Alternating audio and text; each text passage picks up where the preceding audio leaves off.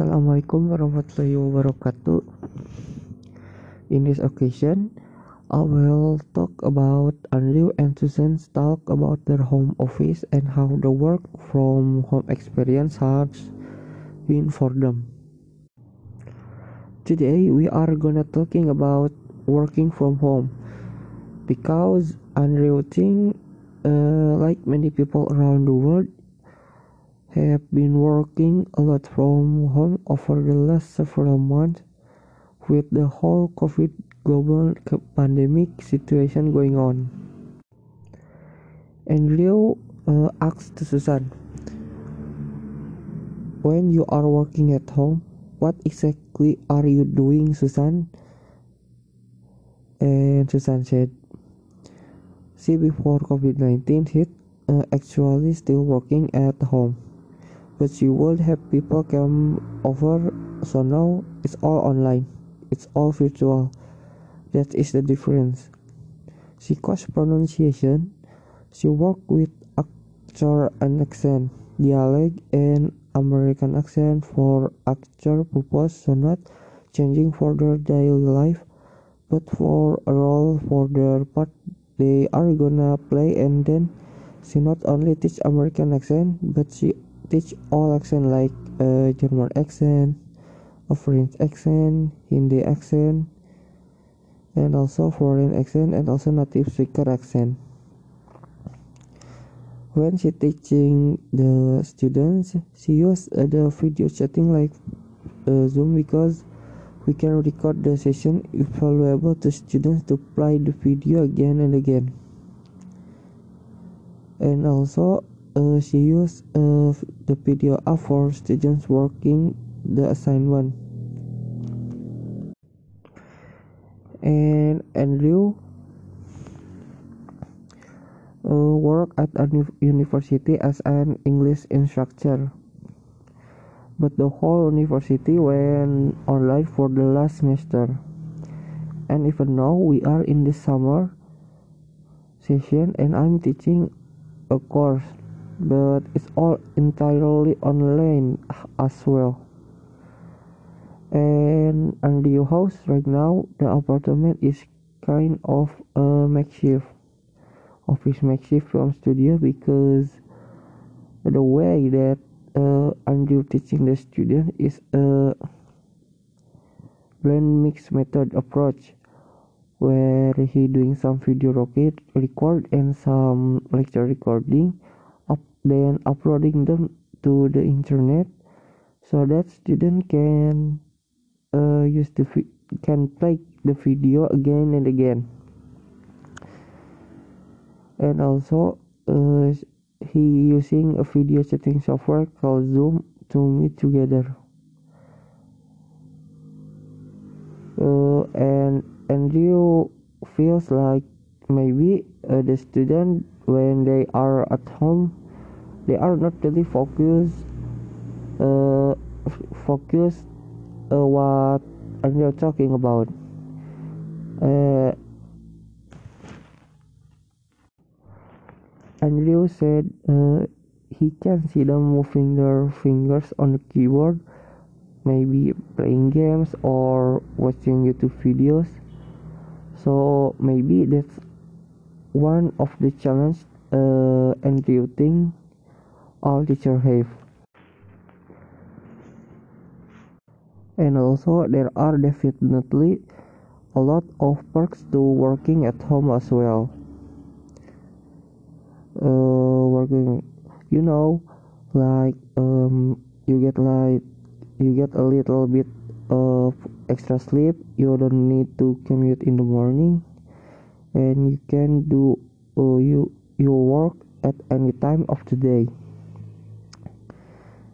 uh, because of that uh, he do it so the flexibility of the schedule.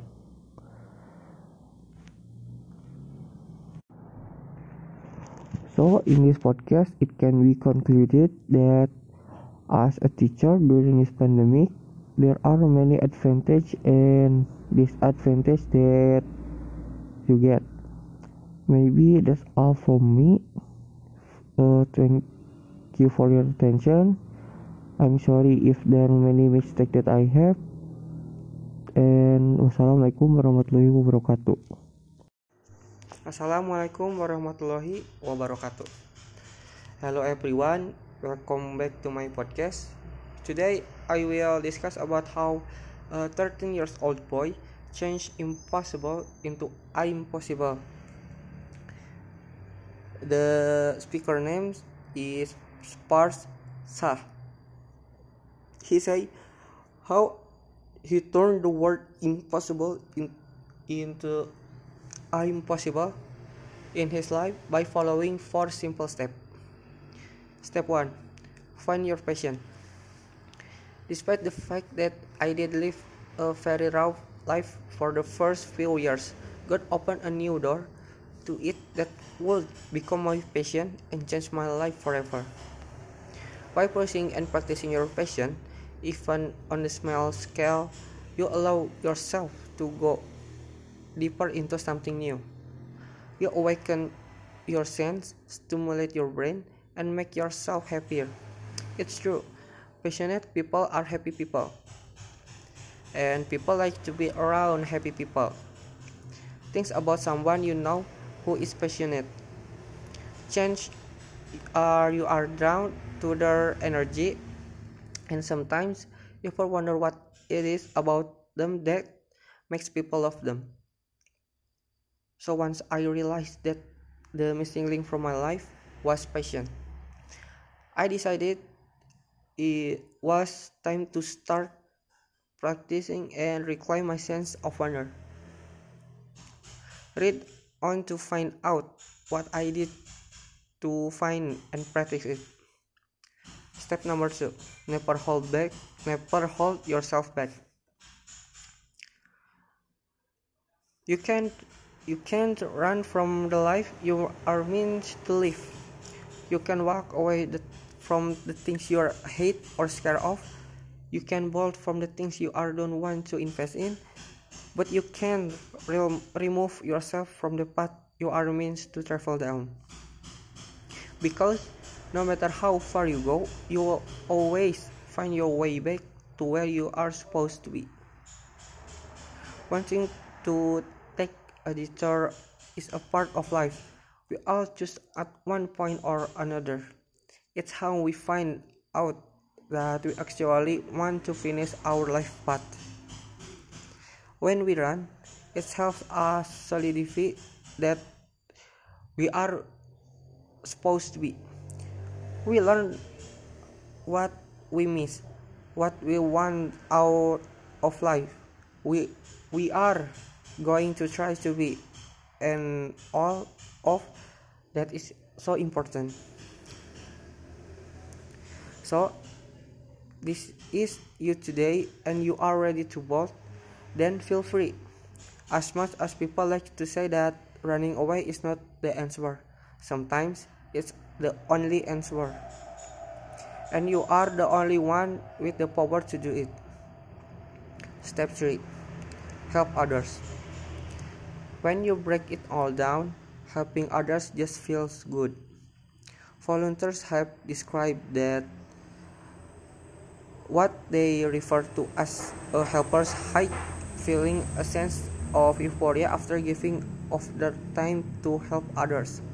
It's believed to be a release and endorphins that is followed by a long lasting period of calm and emotional well-being that help to reduce stress level. Study shows that the same parts of the brain that invigorated when we give to good causes as a stimulate when we receive money ourselves knowing that you are helping to make a world to be a better place and giving hope to those who might not otherwise have. It is undeniably rewarding and the good vibes won't cost you a thing. Last one. The last one is dream big. Working toward big dreams is scary business. And if we let our ego to take priority we are already setting ourselves up to fail letting our ego get in the way can stop us from being bold and brave with the decision we make. Hold us back from learning from our mistake and get in the way of being kinder to both ourselves and others around us. Believe in yourself and follow the dreams that and goals that have purpose and meaning to you. But don't be afraid to make mistakes along the way. Be humble. Stay open to lessons you haven't learned yet. And stay focused on the bigger picture. Don't let wish for instant gratification stop you from doing the work and making things happen for yourself. Maybe that's all from me. Thank you for your attention. Wassalamualaikum warahmatullahi wabarakatuh.